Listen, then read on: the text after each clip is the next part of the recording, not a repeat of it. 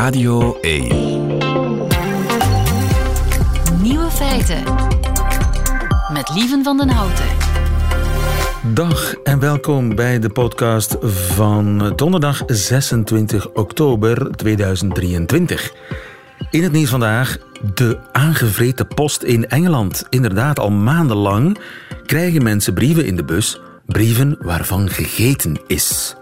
Die brieven zijn allemaal afkomstig uit hetzelfde dorp, in Devon, in het zuidwesten van Engeland. De Royal Mail heeft de kwestie onderzocht en de boosdoener gevonden. Slakken.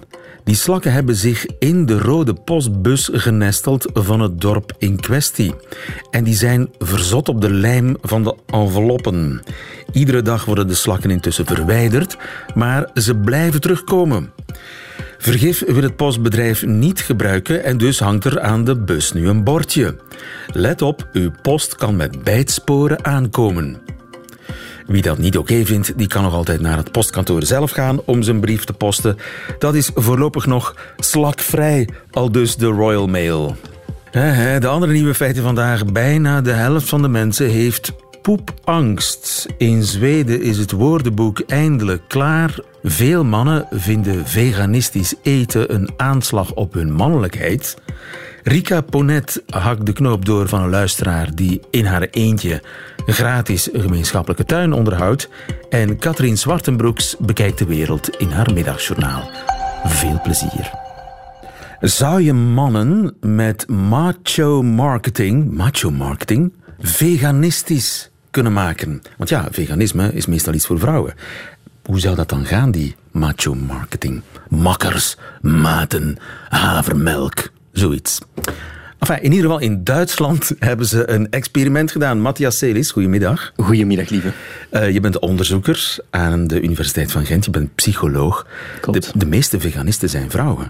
Ja, dat is, uh, dat is zeker waar. Um, we eten natuurlijk ook gewoon, ja, al bij al te veel vlees, dat is misschien al een open deur om in te trappen.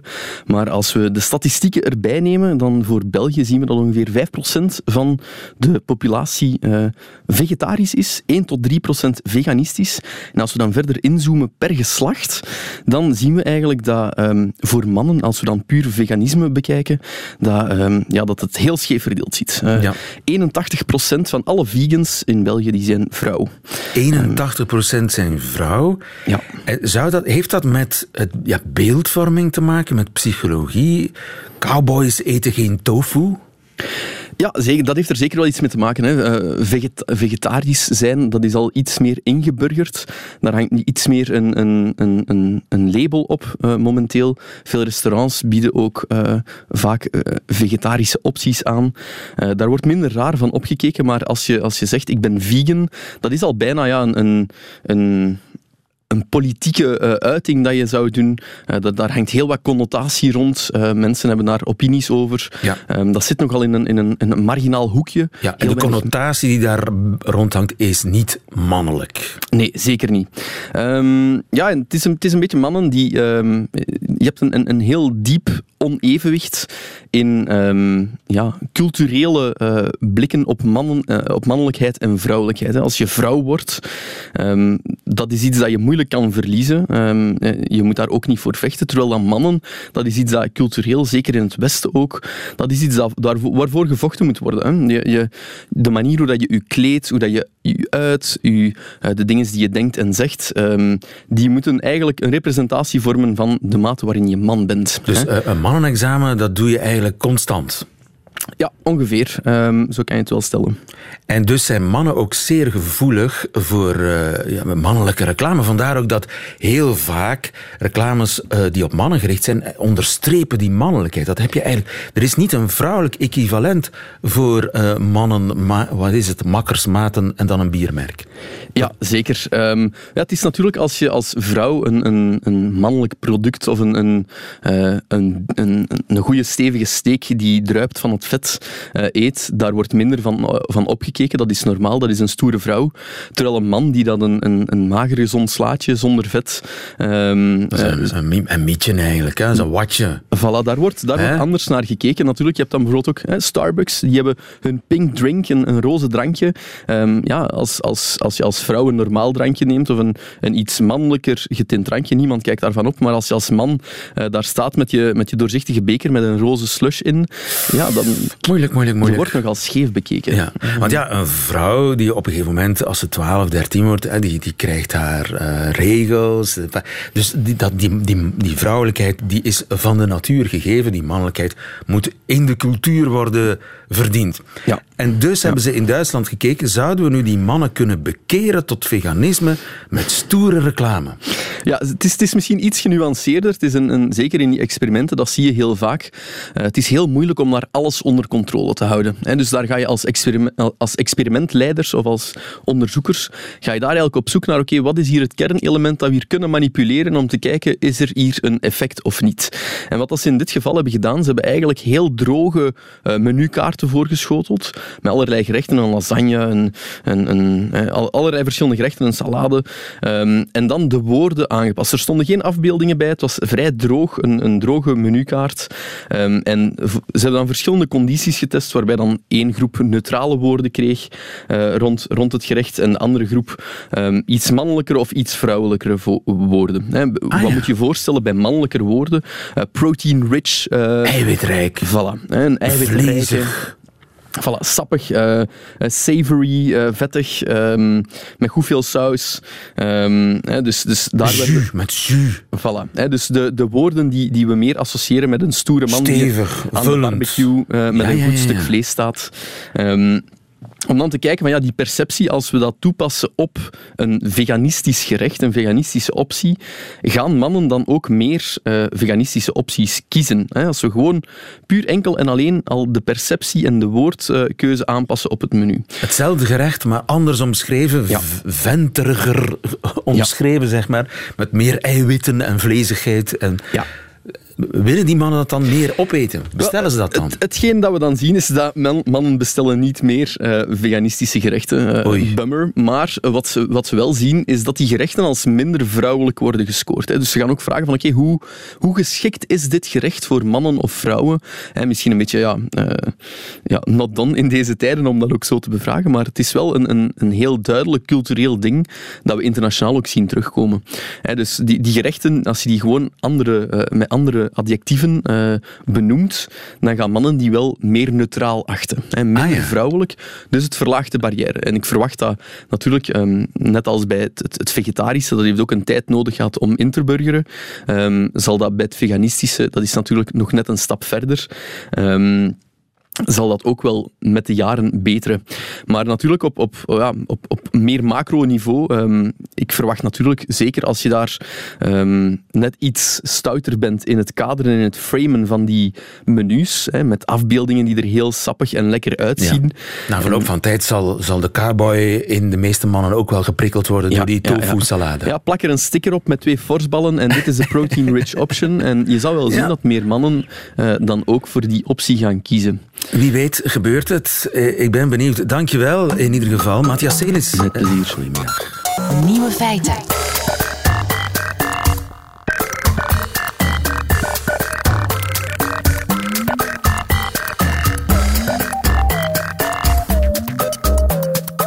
Het heeft eh, 140 jaar geduurd. Maar het is zover. Ruud Hendricks, goedemiddag overigens. Goedemiddag. hoofdredacteur van Vandalen. Groot nieuws in Zweden. Het officiële woordenboek van het Zweeds is eindelijk klaar. Geweldig toch, hè? Het 39ste en laatste deel is vorige week naar de drukker gestuurd. Mooi. Het is verdeeld over 39 boeken, meer dan 33.000 bladzijden. 33.000 bladzijden. Ja. En het werk is begonnen in 1883. Door de jaren heen hebben 137 mensen er voltijds aan gewerkt. En het is al verouderd. Ja. Het is, al, het is pas af en het is al verouderd, want het laatste boekdeel is nu afgewerkt. Maar bijvoorbeeld eh, alles vanaf de A tot de R is zodanig oud dat het al aan herziening toe is. Het woord allergie staat er niet in. Ja. Want eh, een allergie kwam pas in 1920 in de Zweedse taal terecht. Ah, Oké. En eh, dus dat staat niet in het. Nee. Maar ik zit te denken, waar hebben we het over? Ja. ja, waar hebben we het over? Wel, het, het, het Zweedse woordenboek dat nu af is, hè, eh, past in een traditie van woordenboeken die allemaal in de 19e eeuw zijn begonnen. Zijn wij al klaar? Wij zijn intussen al klaar, maar wij zijn ook eerder begonnen. Dus ik wou net zeggen, wij hebben ook zoiets, het woordenboek der Nederlandse taal. Daar zijn ze mee begonnen in 1864. Dat is ook het jaar waarin de eerste van Dalen is verschenen. En daar hebben ze 20 jaar voor de Zweden. 20 jaar ervoor. En we zijn ook ongeveer 20 jaar eerder gestopt. Ik zeg niet dat, het, dat nu alles af is, maar we zijn gestopt ehm, in 1998 met de papieren editie tenminste. Dus ons grote woordenboek was eigenlijk pas in, a- in 1998 volledig klaar. Ja. Maar dat staat dus volledig los van het ding waar jij de hoofdredacteur bent. Ja, tuurlijk, tuurlijk. Dat heeft, dat, die twee hebben eigenlijk... Dus dat, je hebt de dikke Van Dalen. Ja, Dat is het, het woordenboek dat is een gebruik. commercieel woordenboek. Hè, een woordenboek voor het grote publiek. En het woordenboek der Nederlandse taal is een wetenschappelijk historisch woordenboek dat het Nederlands beschrijft vanaf 1500 tot ongeveer 1976. Dus ja, ik zie je verwonderd kijken. Dus maar Nederlands is dan gestopt. wel, nee, ze zijn ermee gestopt omdat ze, omdat ze vonden dat, het eindelijk wel eens, dat er eindelijk wel eens een punt achter gezet moest worden, achter al het werk. Want je kunt natuurlijk bezig blijven. Dus, ze- Moet je niet bezig blijven? Ja, maar dat doen dat ook doen- bezig blijft? ja, maar dat doen dan nu de huidige woordenboeken. Hè? Dus het is een historisch wetenschappelijk woordenboek. En het was de bedoeling om dus het Nederlands te beschrijven vanaf de vanaf 1500. Oorspronkelijk zouden ze gaan tot de Statenbijbel, 1637. Dan hebben ze besloten om terug te gaan tot 1500, want intussen werd ook gewerkt aan het Middel-Nederlands woordenboek en dat gaat tot 1500. Ja. Hm? En dus eh, in 1998 is er nog een papieren versie gemaakt. Ja, toen is de veertigste band verschenen. Dus het- 40? ja, en een beetje, nog iets later zijn er nog drie aanvullende delen verschenen. Dus eh, de Zweden zijn gestopt na 39 banden. Wij hebben er, meer. We hebben er 43. Ehm, het- Wauw. Ja, Wij ook meer woorden. Ja, eh, voor zover ik het mij herinner, worden er ongeveer 400.000 woorden behandeld in dat WNT. Als je dan bedenkt. Woordenboek der Nederlandse taal? Ja.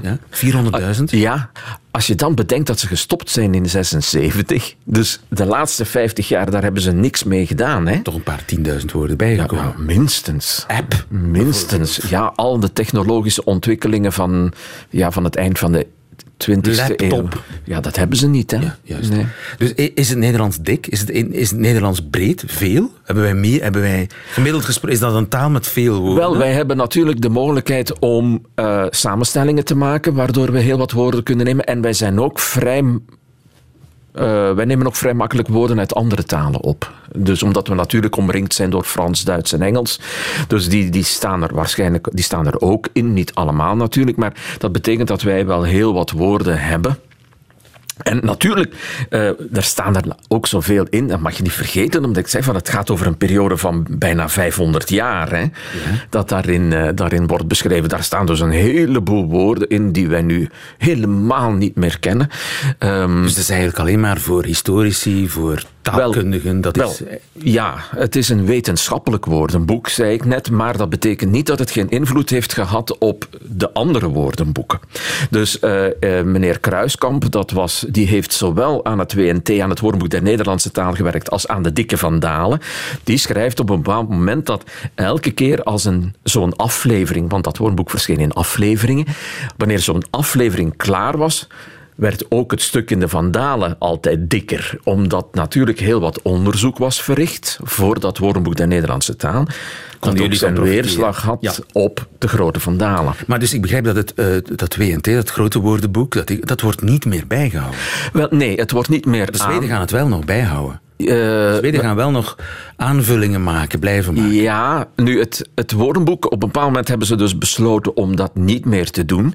Het woordenboek is uh, terechtgekomen bij het Instituut voor de Nederlandse Taal en die hebben wel uh, een, een nieuw initiatief gestart, het Algemeen Nederlands Woordenboek, waar ze... Nog een derde? Ja, maar daar behandelen ze dus het moderne Nederlands. Okay. Uh, maar, en dat willen ze ook op een, op een wetenschappelijke manier beschrijven, maar Um, dat is natuurlijk een gigantische klus, dat weet ik als hoofdredacteur van De Grote Vandalen, om, dat, om zoiets bij te houden. En eigenlijk vanaf niets te beginnen. Zij zijn echt begonnen met niets. Dus echt een volledig nieuw woordboek aan het schrijven. En dat gaat toch blijkbaar op het eerste gezicht dat duurt niet een, zo jaar of 140. Ja, ik vermoed het. Ik vermoed het. En op een bepaald moment zullen ze ook gaan beslissen, we stoppen in 2076 of zo. Maar goed, uh, het is helemaal niet zo raar dat in Zweden nu pas, na 140 jaar, hun grote officiële woordenboek van de Zweedse taal klaar is. Dankjewel. Proficiat ermee. Proficiat uh, in uh, Zweden. Ruud Hendricks, dankjewel. Nog een fijne dag. Vraag het aan Rika.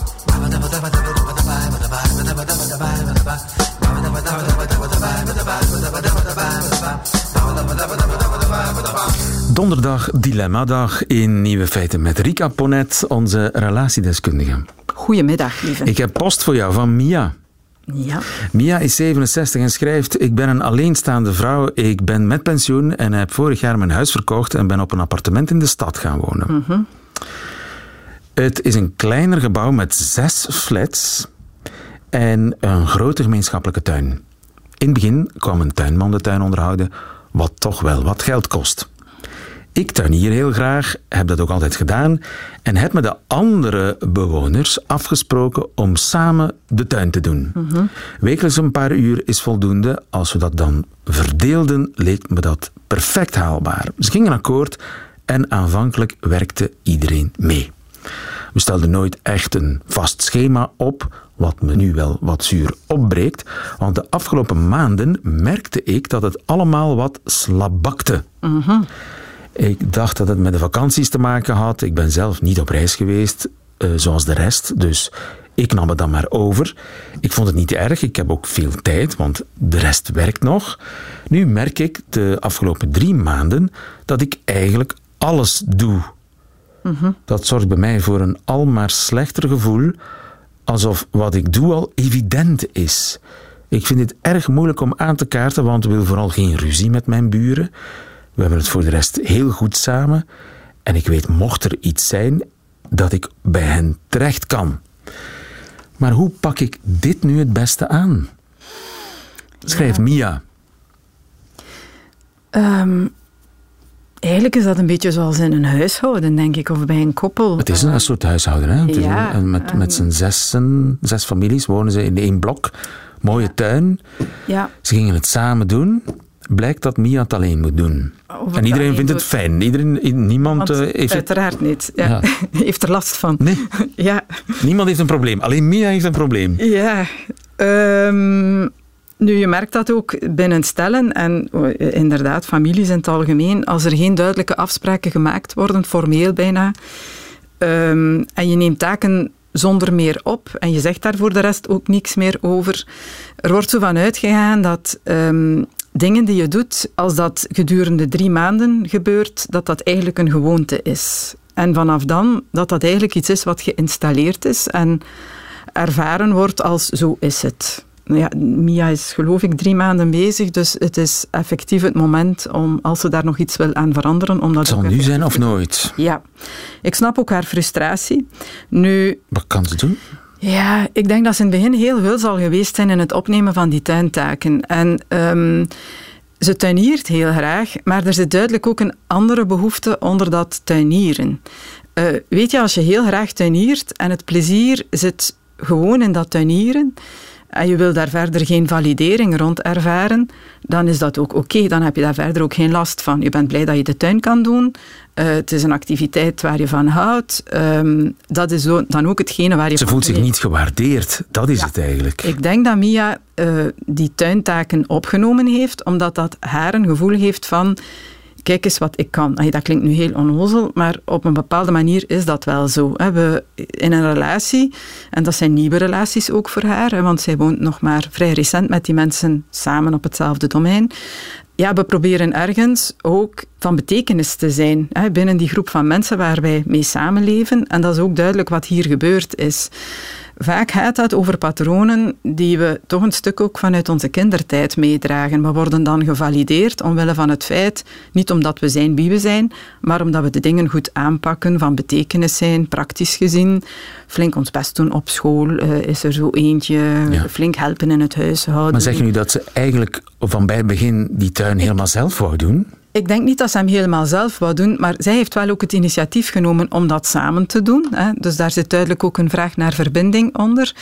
Ze kan het ook heel goed, dus ik vermoed ze dat tijd. ze... Ze heeft tijd. Ik ze denk, doet het graag. Ze doet het graag. Ik vermoed dat ze ook wel snel zal aangegeven hebben hoe dat dan best allemaal verloopt. Van zodra iemand het wat laat hangen, zij het overgenomen heeft. Omdat ze daar een vorm van erkenning ook in zoekt. Ja. En wat merk je dan op een bepaald moment? Ja, uh, ik sta dan door mijn venster te kijken. Mia is de tuin aan het doen. Dan denk ik van, oh, Mia doet dat precies heel ik, Mia doet dat niet slecht. Ja, doet dat niet slecht. Laat het ons maar zo houden. Hè. Ik ja. ga daar verder niets over zeggen, want Mia zegt ook niets. Terwijl wat Mia eigenlijk verlangt, is dat daar echt validatie voor komt. Hè. En dat is wat ik ook zie, nog bij, nogmaals bij koppels. Stel dat één iemand uh, de volledige kookpot voor zijn rekening neemt en de andere geeft daar heel regelmatig erkenning voor dan vinden mensen dat vaak niet eens zo erg om die volledige kookpot te doen. Het wordt een frustratie op het moment dat je het vanzelfsprekend vindt dat de andere de kookpot doet en dat je daar zelfs nog mag op ja, kritiek of, uh, ja. Uh, opgeven. Hè, van ja, vandaag was toch dat niet, of ja. de patatten waren te, nee, te slap gekookt, dat, dat soort zaken. Um, dus je ziet heel duidelijk dat het niet alleen over het tuinieren gaat, maar ook over een verlangen bij Mia om binnen dat tuinieren, binnen datgene waarin zij goed is, om daar een vorm van validatie, van acceptatie in te ervaren. In dat geval lijkt het mij makkelijk op te lossen. Mia, Mia moet een drink organiseren in de tuin, denk ik, en is goed samenzitten met de buren. En dat ook aangeven, niet zozeer aanvallend van jullie doen niets en ik doe hier alles in die tuin, maar wel, ja, ik doe dit eigenlijk zeer graag, maar ik heb toch ervaren, ik doe nu al een tijdje zo goed als alles alleen. Het is te zwaar voor mij. Hè. Ik kan dat, uh, zoals ik dat nu doe, uh, kan ik dat eigenlijk niet aan. En ik vind het toch belangrijk om daar opnieuw afspraken rond te maken. En ik wil het eventueel wel doen, maar ja, ik zou graag hebben dat daar dan ook iets tegenover staat. Uh, ze zouden kunnen afspreken dat ze Mia een deel betalen. Dat klinkt wat gek, ja, maar daar zit ook een vorm van va ja, een validatie in. Het is goedkoper dan de tuin. Goedkoper dan de tuinman, gegarandeerd. Ja.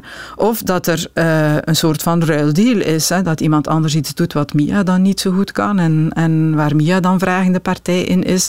Het gaat erom uh, dat zij het gevoel heeft, wat ik doe, uh, daar staat iets tegenover, waardoor ik ook het gevoel heb dat het niet als vanzelfsprekend ja. wordt gezien. Ja. ja. maar dan is het grote gevaar is natuurlijk gewoon een droge brief bij iedereen in de bus steken. Dat is, nee, dat is geen goed idee. Maar een drink in de tuin. het kan nog net, hè? Het kan nog net, ja. Het, uh, ja met of anders bij, bij zo'n open vuur, vuur, als dat nog mag. Een, sommige plaatsen mag dat niet meer.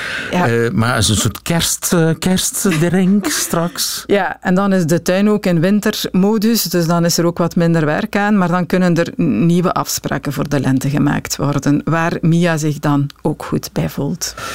Mia, ik hoop dat we jou geholpen hebben en veel succes met je tweede carrière als tuinvrouw. Ja, Tot volgende week, Rika Ponet. En als er nog mensen zijn met vragen voor Rika, ze zijn welkom op Nieuwe Feiten, radio1.be. Radio 1 Nieuwe Feiten grote kans dat u poepangst heeft. Sorry dat ik het woord uitspreek, maar dat is het woord dat in Nederland gangbaar is. Poepangst. Voor iets wat uh, ongeveer de helft van de mensen zouden hebben. Danny de Loze, goedemiddag. Een goedemiddag, lieve. U bent uh, maag- en darmspecialist van de Universiteit van Gent. Met mm -hmm. poepangst bedoelen de Nederlanders iets anders dan wat wij zouden verwachten. Ja, absoluut. Hè. Dus uh, poepen in Nederland is uh, heel iets anders dan wat dat wij onder poepen verstaan. Dus, uh, dat is naar het toilet gaan, dat, de grote boodschap. Dat toilet gaan. Het gaat eigenlijk over, het, ja, over het, het grote toilet wat wij stoelgang maken, zouden zeggen. of kakken. Hè. Dat kan je natuurlijk even goed zeggen. Ik vind dat eigenlijk een even goed woord. maar dus ja, de poepangst, dat is eigenlijk wat dat ze mee bedoelen. Het niet durven buitenshuis naar het toilet gaan. Juist. Daar komt het eigenlijk ongeveer op neer. 41% van de Nederlanders eh, heeft daar last van, blijkt uit een peiling van een uh, Nederlandse badkamerverkoopwebsite. Klopt dat ongeveer met wat u denkt of vermoedt? Ja, dus uh, het is inderdaad bij ons ook eerder een vermoeden, dus, maar het klopt volgens mij zeker en vast. Uh, echt grote studies uh, zijn daar niet, niet van, maar dit is een enquête. Maar dit lijkt mij volledig in de lijn der verwachtingen te liggen dat nogal wat mensen schrik hebben om, om op een ander naar het toilet te gaan. Op het werk bijvoorbeeld? op het werk bijvoorbeeld, op school. Ja, alles hangt natuurlijk een beetje af van wat de omstandigheden zijn. Hè. Op dat werk of waar dat je ook maar zou zijn als je naar het toilet moet gaan. Uh, Hoe bedoel dus, je de dus omstandigheden, de, de pot zelf? Wel, de pot, God, er zijn verschillende elementen die hier een rol spelen natuurlijk. Hè. Ten eerste zijn heel wat mensen zijn bijvoorbeeld gegeneerd dat iemand die naast hen zit zou horen wat daar in de pot valt. Hè. Want de, ten eerste is het zo als je op het toilet zit dat er vaak wat wind mee komt. Dus door de weerstand van de sluitspier maakt dat natuurlijk geluid.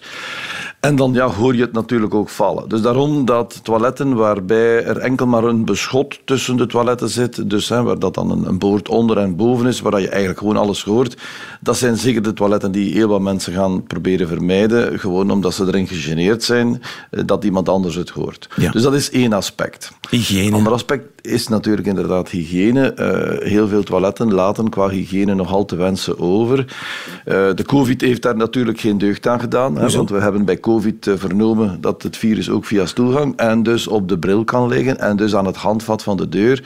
Ik herinner mij ook nog in COVID dat ik altijd nooit een handvat zou vastgepakt hebben met mijn hand, maar iedere keer een, ja, een, een doekje nam om, om dat gaan te nemen. altijd ook de toiletbril en zo dat werkt nog na, die, die vrees van toen.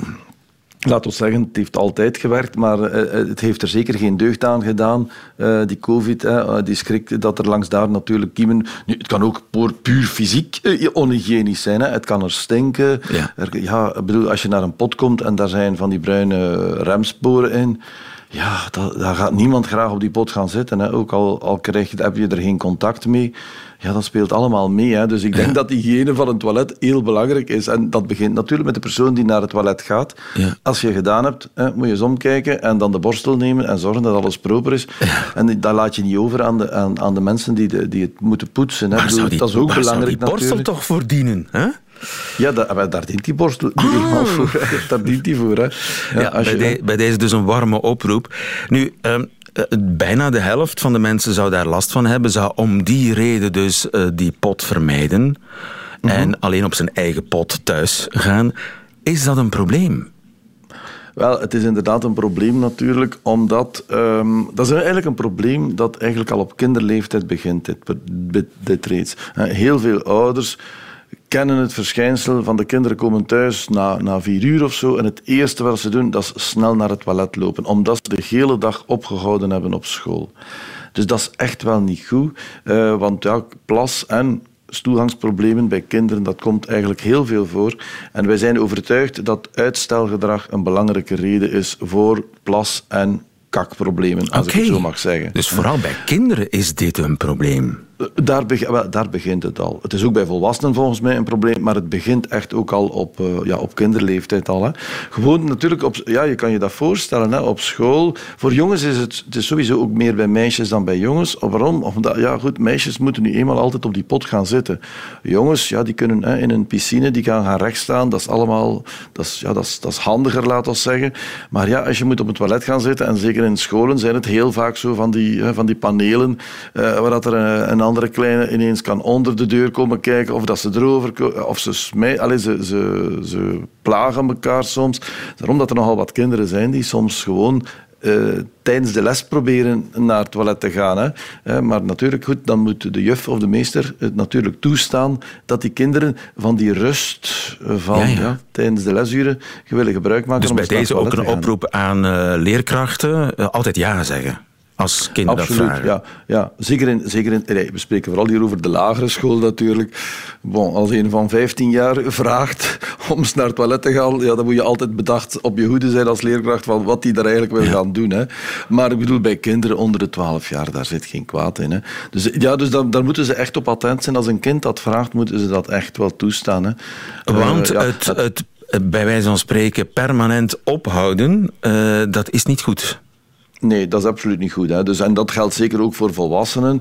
En ja, laten we het, nu ook toch maar zeggen dat dat duidelijk meer bij vrouwen het geval is dan bij mannen. Dus door het ophouden, als je je stoelgang ophoudt, dus als je, je voelt, je hebt aandrang om naar het toilet te gaan, maar je houdt dat op omdat je bezig bent of omdat je vindt dat het toilet niet proper is of wat dan ook, ja, dan laat je die stoelgang daar zitten. Het gevolg is de aandrang die gaat weg. Ondertussen wordt er meer vocht ontrokken en dus die stoelgang wordt ondertussen nog ja, minder zacht, harder, droogt meer uit.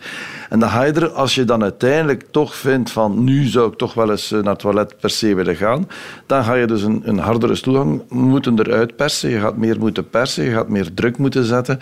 En dat creëert eigenlijk een problematiek van, van verstopping. Hè. Dus ik ben overtuigd dat verstopping voor een heel groot stuk bij veel mensen een, een verkeerd gedrag is eigenlijk. Hè. Een gevolg van poepangst.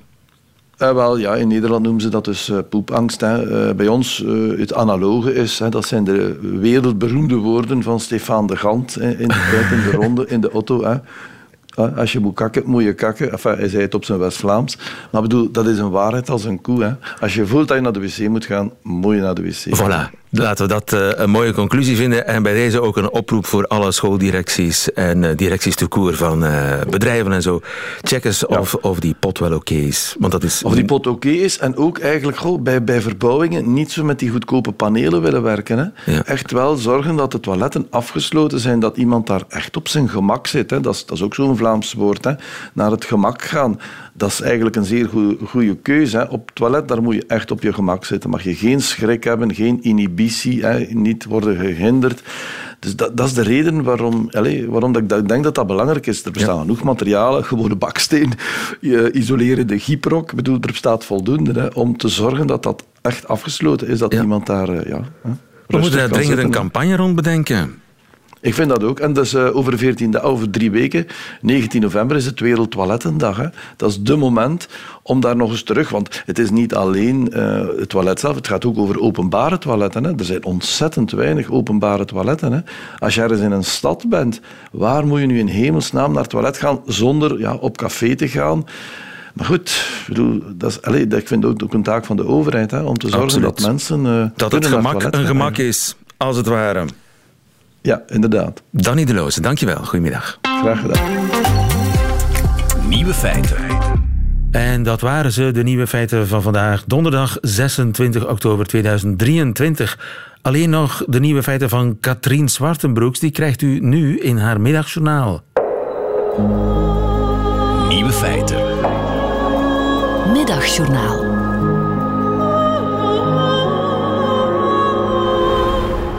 Natuurlijk was het eng de eerste keer ik hem mee naar huis nam. We zaten naast elkaar op de achterbank en durfden elkaar niet goed aankijken. Dat hoefde ook niet. Ik had lang nagedacht voor ik hem had uitgekozen, ook nog naar anderen gekeken. Maar er was iets in zijn gezicht dat me toch telkens weer bij hem terugbracht. Hij was een flink stuk ouder dan de rest. Zijn zwarte haren doorwoven met grijs, een afwachtende houding en een bloeddoorlopen oog. Vermoedelijk van een van de vele vechtpartijen waar hij op straat in verwikkeld was geraakt. Zijn hele leven heeft hij moeten zoeken en vechten om eten, maar hij is zo onderdanig dat ik denk dat hij veel meppen heeft gehad. Al dus de uitbaatster van het dierenasiel. Vandaag moet hij niet meer vechten, voor de eerste keer. Zijn oude, nieuwe leven is de komende weken gevuld met eerste keren. De eerste keer een droge slaapplaats. De eerste keer mensen die je aanhalen in plaats van weghalen. De eerste keer dat hij een naam krijgt. De eerste sinds zijn kittentijd dat iemand liefdevol zijn oortjes aanraakt. Ik onderzoek elke schijnbare overwinning in ons nieuw samengesteld gezin. Wanneer hij me dichter laat komen of hij lekker lang uit durft liggen. Of dat hij spint van geluk, de onnozelaar, terwijl ik de chansaar ben. Met mijn huis en mijn eten en mijn liefde die allemaal zo onvoorwaardelijk zijn. Waar je geboren wordt, bepaalt voor een groot deel de richting die je leven zal uitgaan. Of je zal moeten schuilen, je broers en zusjes zal verliezen of misschien je vertrouwde plek moet achterlaten, in de hoop ergens wel te kunnen leven in plaats van te overleven. Zij zoeken, zij zwerven, zij wachten. Het enige wat wij moeten doen is hen een kans geven.